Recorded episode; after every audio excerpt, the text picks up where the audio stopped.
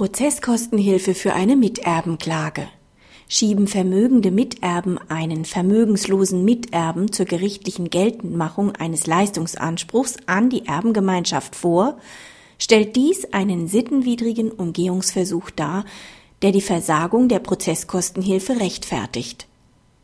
Die Klägerin als Miterbin nahm den Beklagten im Zuge der Auseinandersetzung einer Erbengemeinschaft in gesetzlicher Prozessstandschaft für die Erbengemeinschaft auf Zahlung an diese in Anspruch.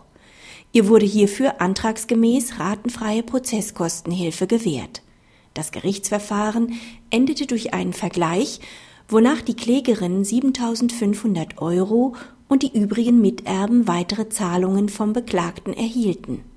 Die Klägerin wurde vom Kostenbeamten aufgefordert, die zunächst gestundeten Gerichts- und Anwaltskosten an die Staatskasse zu erstatten, weil sich die wirtschaftlichen Verhältnisse zu deren Gunsten geändert hätten.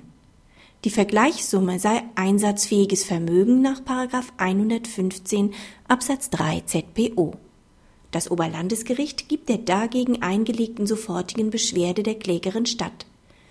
In der Nichtabhilfeentscheidung hat der Rechtspfleger dargelegt, dass für die wirtschaftlichen Verhältnisse der Klägerin nicht nur auf den sie entfallenen Vergleichsbetrag abzustellen sei, sondern auf die Gesamtsumme, welche alle Mitglieder der Erbengemeinschaft erhielten. Die Klägerin wies nach, dass sie einen Teil des Vergleichsbetrags für Hausrat, Teppichboden, Sitzgarnitur, Wohnzimmerschrank ausgegeben hatte. Die Ausgaben hielten sich im Rahmen des Paragraphen 115 Absatz 3 ZPU in Verbindung mit Paragraph 90 Absatz 2 Nummer 4 SGB 12. Der nicht verbrauchte Vergleichsbetrag fällt unter das Schonvermögen des Paragraphen 115 Absatz 3 ZPO in Verbindung mit Paragraph 90 Absatz 2 SGB 12.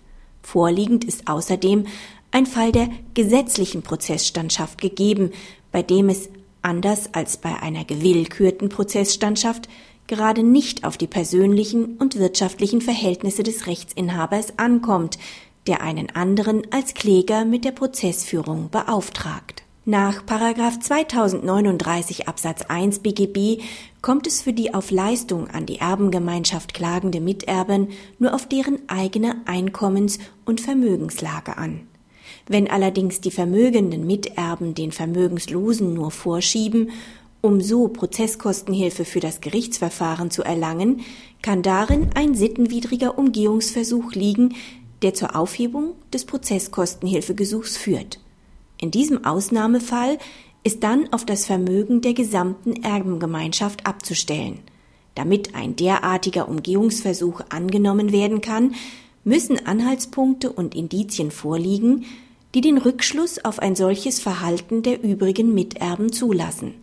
Da solche in der Entscheidung des Rechtspflegers nicht aufzufinden sind, wird der Beschwerde der in einer Sozialwohnung lebenden und nur geringe Rente beziehenden Klägerin stattgegeben. Praxishinweis. Das Oberlandesgericht schließt sich der jüngst ergangenen Entscheidung des Oberlandesgerichts Saarbrücken an.